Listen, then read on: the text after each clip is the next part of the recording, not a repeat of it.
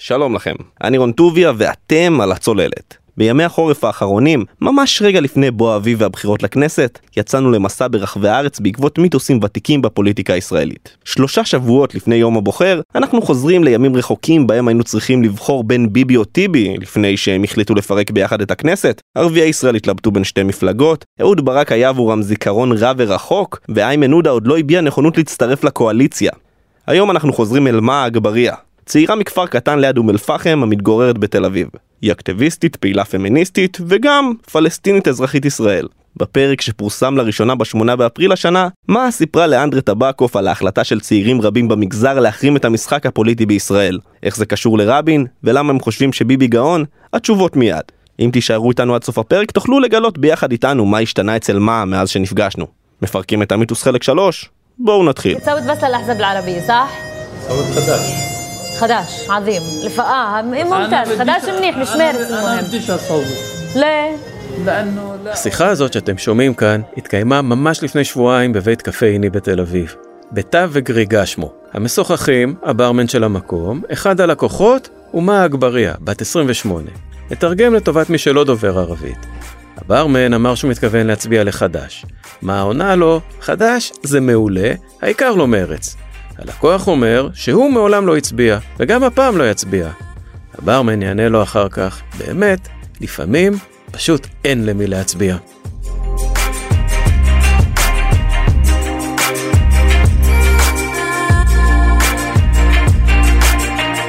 שלום, אני אנדרי טבקוף, עורך מדור דעות וקהילות של גלובס. אתם מאזינים לפודקאסט החדש שלנו, הצוללת, שצולל לעומקם של סיפורים כלכליים חברתיים.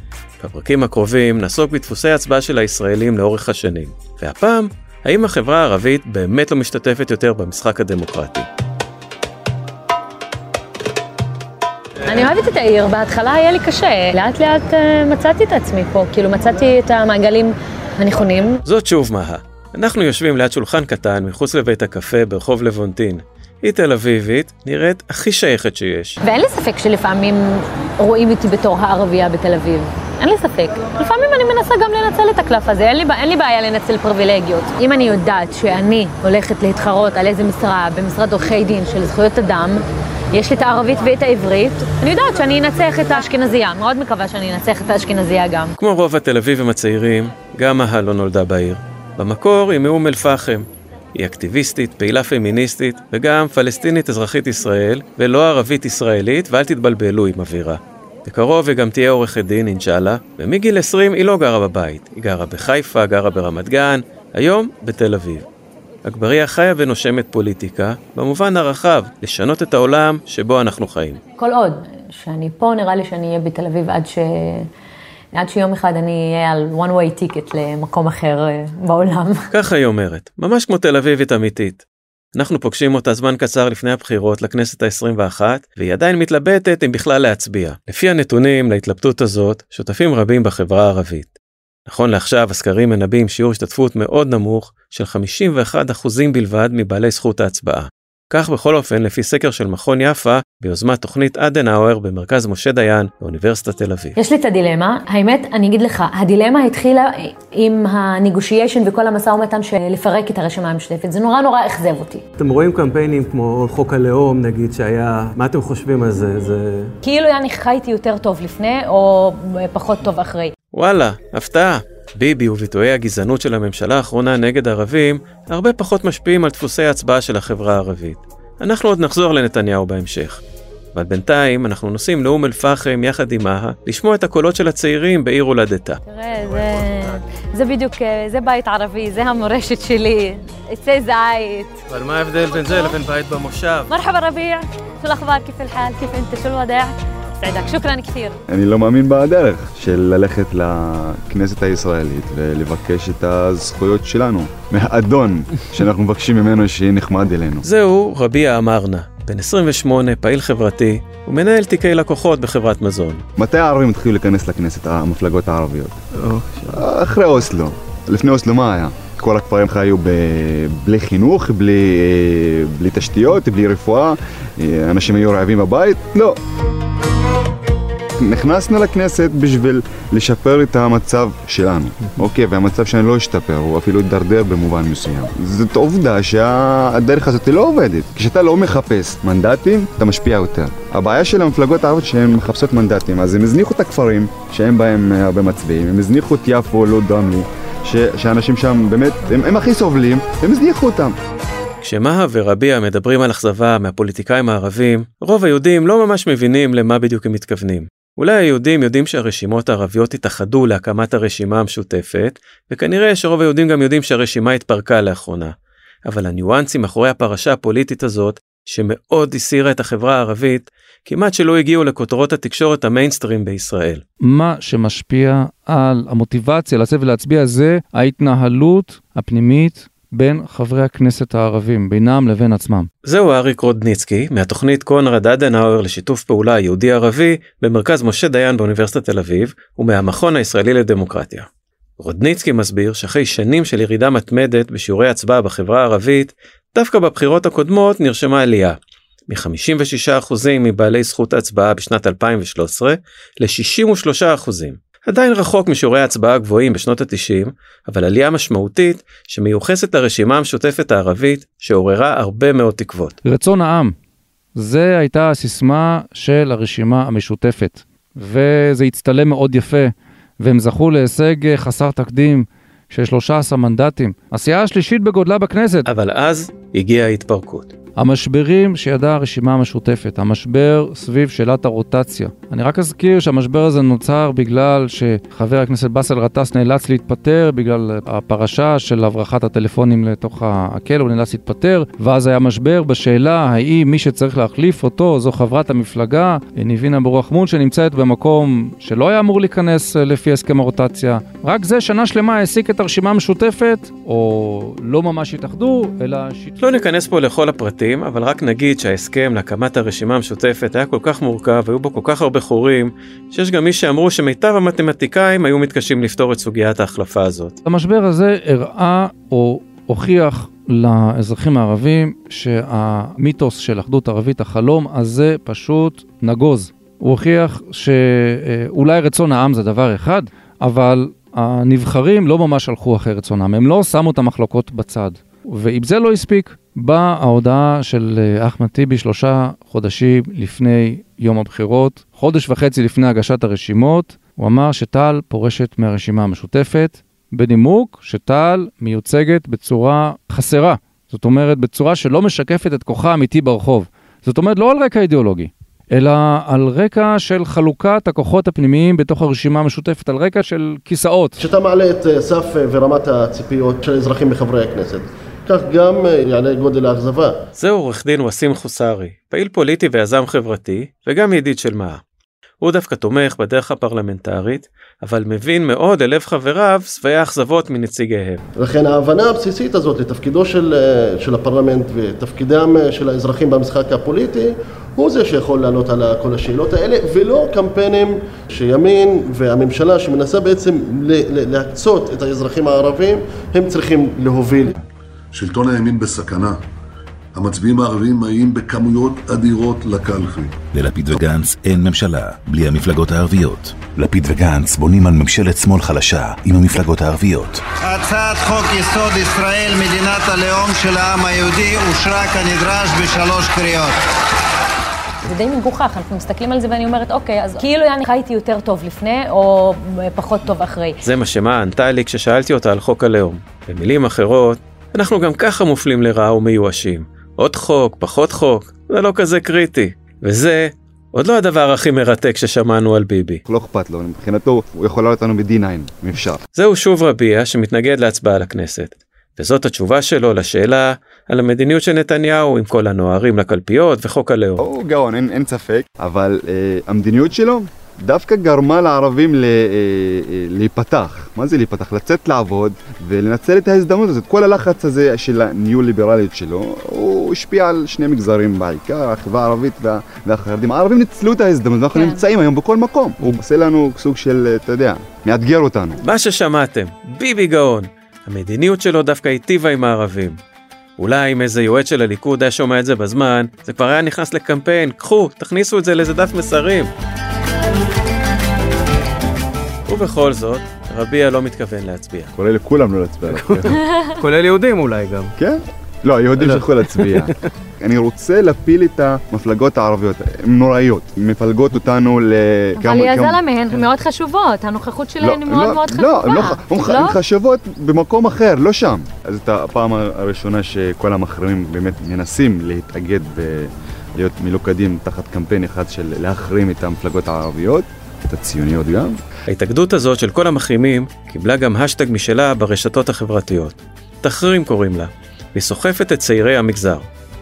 לפי רודניצקי, בקרב הצעירים עד גיל 30, רואים אחוזי הצבעה נמוכים יחסית של 40 עד 45 אחוזים. צעירים אומרים, למה לי המשחק הזה? זה בכלל לא חשוב להם. ככל שעולים בגילאים, אנחנו רואים יותר השתתפות בתהליך ההצבעה. צעירים כנראה עוד עסוקים בלחפש את עצמם. ודור ההורים? הוא מלא ביקורת, אבל עדיין משתתף במשחק. המבוגרים יותר, הם מתייחסים גם במידה יותר סלחנית לתפקוד של חברי הכנסת הערבים. כלל הציבור סך הכל נותן ציון עובר לנבחרים שלו. אנחנו ראינו 57 אחוזים סבורים שחברי הכנסת מהרשימה המשותפת, התפקוד שלהם היה טוב, אולי אפילו טוב מאוד, ו-42 אחוזים סבורים שהתפקוד היה לא טוב. אני בטוח שחברי הכנסת היהודים היו קונים בשמחה את הממצאים האלה. נעים מאוד. אימא, תודה על האירוח. תודה רבה לכם. הצעד שעשה טיבי וחדש הוא לא צעד היה ראוי. במיוחד הם שמדברים על לקחת אחריות. זהו מוחמד אגבריה, אביה של מה? גם הוא, ממש כמו בתו, כועס ומאוכזב מהפוליטיקאים הערבים. אבל פה הדמיון נגמר. בניגוד לבני הדור הצעיר, להורים יש ציפיות, ולכן יש גם אכזבות מהפוליטיקאים היהודים. ואומר עוד גנץ, אני לא רוצה גוש חוסם עם הערבים. כאילו לא נותן להם דה-לגיטימציה. איפה אנחנו? רבין לא עשה את זה. רבין, ב-92, היו הערבים גוש חוסם. חמישה מנדטים נדמה לי. הגעגועים לרבין, לממשלת שמאל שלא התביישה לשתף פעולה עם ערבים, ניכרים. קצת רקע. האזרחים הערבים הצביעו כבר בבחירות הראשונות ב-1949 תחת הממשל הצבאי. ההצבעה באותה תקופה נחשבה ליותר חמולתית נגדיר אותה. זאת אומרת, השייח או מוכתר או ראשי החמולות היו מגייסים את המצביעים. זה שוב רודניצקי. בעיקר מהחשש מפני הממשל הצבאי ולכן גם וידאו שהמצביעים הערבים יצביעו בצורה נכונה, כלומר, למפא"י. האירוניה היא שבעשורים הראשונים של המדינה, אחוזי ההצבעה בחברה הערבית היו יותר גבוהים מאחוזי ההצבעה בציבור היהודי, והגיעו לסביבות ה-90 אחוזים. השינוי הגיע לקראת סוף שנות ה-60, תחילת שנות ה-70, הרבה אחרי שבוטל הממשל הצבאי. הם בסך הכל רצו אז לשרוד, להבטיח את הקיום, להראות שהם אה, נאמנים למדינה במובן הזה שהם לא מתכוונים לעשות בעיות. בתוך החברה הערבית, פעם התייחסו לזה בצורה קצת מזלזלת, אבל היום אפשר לומר יש גישה חדשה שמתייחסת יותר בהבנה לקשיים ולאילוצים של אה, מה שנקרא דור הנכבה. באותן שנים ראשונות של המדינה, כבר הייתה קיימת המפלגה הקומוניסטית שזכתה לתמיכת האוכלוסייה הערבית. אבל המפלגה הייתה נאמנה לעיקרון שאומר שלמרות שרוב מצביעי המפלגה הם ערבים, בגלל שהמפלגה פועלת במדינה שהרוב בה יהודי, המועמד הראשון צריך להיות יהודי. ורק אחר כך נתנו ייצוג למוסלמים, לנוצרים ועוד. שנות ה-60 המפלגה תתפלג לרקח, שנתנה יותר ייצוג לנציגים ערבים. מפלגת חד"ש של היום היא בעצם צאצאית של רקח. תהליך ההצבעה לקומוניסטים ולמפא"י שלימים תיקרא המערך נמשך עד שנות ה-70 של המאה ה-20. נקודת המפנה הגיעה ביום האדמה, 30 במרס 1976. אז נהרגו שישה מפגינים ערבים בהפגנות סוערות. שנה אחר כך, 1977, המהפך. זה דור צעיר ש... הגורם המעצב והמשפיע ביותר על הזהות שלו היה מלחמת ששת הימים ב-1967. מצד אחד זה התבוסה של מדינות ערב, אבל מצד שני אש"ף בהנהגת פת"ח של יאסר ערפאת קמו והראו שאפשר אחרת, שהפלסטינים מתחילים אה, לקום מאפר הנכבה של 1948. זה לא אומר שכולם אה, הלכו לעשות פעולות נגד המדינה, למרות שגם היו כאלה, אבל הרוב נתן לזה ביטוי בהתחזקות הקשר עם העם הפלסטיני. ההליכים האלה באים במקביל לשינוי סוציו-אקונומי בחברה הערבית ועלייה של דור המשכילים, שנתנו ביטוי פוליטי לרעיונות שלהם. הם היו בעיקר אנשי רוח, משוררים, סופרים, וכן, היו גם סטודנטים. כעת נכנסות לתמונה מפלגות פוליטיות ערביות או ערביות יהודיות חדשות, שמדגישות את הזהות הערבית ואת הזהות הפלסטינית, ופחות מנסות לשאת חן בעיני היהודים. ובכל זאת, מוחמד אגבאריה מתגעגע. אז אנחנו, היה לנו מפלגות, היינו באים, היינו, זה ערב פוליטי, והיה הסברים, והיה ויכוחים, והיינו מדברים, מדברים פוליטיקה. השמאל הישראלי, אני לא יודע מה השמאל הישראלי. העקיצה שלו יותר מכאיבה מהעקיצה של הימין. כי הימין בא בפרצוף, אומר לך זה. השמאל עושה לך זה, חביבה קני עושה נשיקה, והוא פה נותן. 70 שנה אנחנו בוחרים במדינה, ותמיד אנחנו אומרים, זה רע וזה פחות רע. אז עד מתי? מתי יהיה לנו טוב? אז למה אתה עדיין רוצה להצביע? זאת מה, היא מאזינה לשיחה שלי עם אבא שלה בסלון הבית באום אל-פחם. אני אגיד לכם שגנץ יכול להיות יותר טוב מביבי, אני לא בטוחה. אני אפילו בטוחה שהוא לא. לכן אנשים מאוד מאוכזבים. לרוב, רוב מי שתשאל בחברה הפלסטינית, אנחנו לא רואים הבדל עצום בין ביבי לבין גנץ, או בין כאילו רוב, איך שבדיוק הכנסת מורכבת. כי ביבי לא מפחיד אותי יותר מכהניסטים. אתה חושב שהחיים בתל אביב שינו את הפוליטיקה שלה, או בכלל אותה? אני חושב אה, שכן, שינו לה משהו בראש. גם כשהיא מדברת, היא מדברת בלי פחד. גם עכשיו שאני מדבר אותך, אני מסנן מילים. יש מילים שאני לא, עומד, לא מוציא אותם, לוקח אותם. זה תמיד מה שאמרתי לך, שהדור שלנו שבר שתיקה. קרה שביקשת ממנה קצת אה, להרגיע, למתן את האמירות שלה. הוא לא אוהב שאני מתלהמת. אבא, יש לפעמים זעם וכעס, שאני לא מוצאת לפעמים דרכים להתבטא. השפה שלך צריכה להיות שפה מכובדת. העיקר שהוא לא מלחיץ אותי להקים משפחה. כל האנשים שאני פוגשת אומרים לי שהם לא רוצים להצביע, זה מצחיק. ואם כולם אני כזה, אז בוא נשב. מה את חושבת, כן להצביע, לא להצביע? אני כן מרגישה שאני רוצה לקחת חלק, אני רוצה לשחק את המשחק. אמנם אני לא חושבת שהוא דמוקרטי, ואני חושבת שכל ארבע שנים ישראל כאילו מגישה לנו על מגש מזהב את המשחק הזה של בואו תרגישו שאתם שווים ובואו תצביעו. אבל אנחנו יודעים מה קורה מסביב, בין החל מנוהרים אה, לקלפיות עד... אני אשב עם כל ציוני, גנץ לצורך העניין, הוא לא יושב עם ערבים. ואני אצביע. למי אני עוד לא, לא גיבשתי את עצמי, אבל נראה לי שחשוב להצביע. וגם חשוב לשמוע את האנשים שלא רוצים להצביע. ולנסות לגשר בין זה לבין זה לבין כל העם. עד כאן פרק נוסף של הצוללת, בעקבות דפוסי ההצבעה של הישראלים. רגע, רגע, אנדרי, עוד לא סיימנו. כפי שהבטחתי בתחילת הפרק, אנחנו חוזרים אל מה לשמוע מה השתנה אצלה מאז הבחירות הקודמות. היי מה? היי רון, מה שלומך? אחלה, מה, מה השתנה בארבעה חודשים האחרונים? הרבה דברים. סיימתי סטאז', זה משהו חשוב אז, גם. אז ברכות, ברכות. תודה אה, הר- רבה. הרשימה המשותפת חזרה, זה הכי חשוב. חזרה, וזה הכי חשוב שבאמת השתנה. אז בזמנו הייתי קצת מתלבטת אה, למי להצביע מבין אה, שני, שתי הרשימות שהיו, והיום אין לי ספק למי אני הולכת להצביע. כאילו זה יעני נטל שבאמת ירד לי מהלב, שאני לא צריכה יותר מדי לחשוב. אגב, למי הצבעת בפעם הקודמת? הצבעתי לבל"ד ולאסלאמית, כי קצת היה לי קשה עם אה, הזיווג של אה, טיבי וחד"ש, למרות שאני מאוד אה, תומכת בהרבה אנשים מחד"ש, והיום אני מאוד מאוד שמחה ש, שבאמת אה, בל"ד חברו, חברו למשותפת, ויש לנו את המשותפת בארבע הרכיבים שלה, בארבע המרכיבים שהיו אז והם עוד אה, היום. ואני מאוד מאוד מקווה שזה באמת אה, יעזור לחברה הערבית להחליט באופן מאוד אה, אסרטיבי למי לצאת ולהצביע, במקום שהקולות שלהם יתנדנדו בין משותפת, חצי משותפת, גנץ, ובין שמאל ציוני, מרצ, עבודה. את אומרת שזה מקווה בעצם, זה לא רק תחושות אה, שלך, זה תחושות בכלל המגזר. לגמרי, לגמרי. זה לא תחושות רק שלי, זה תחושות של הרבה.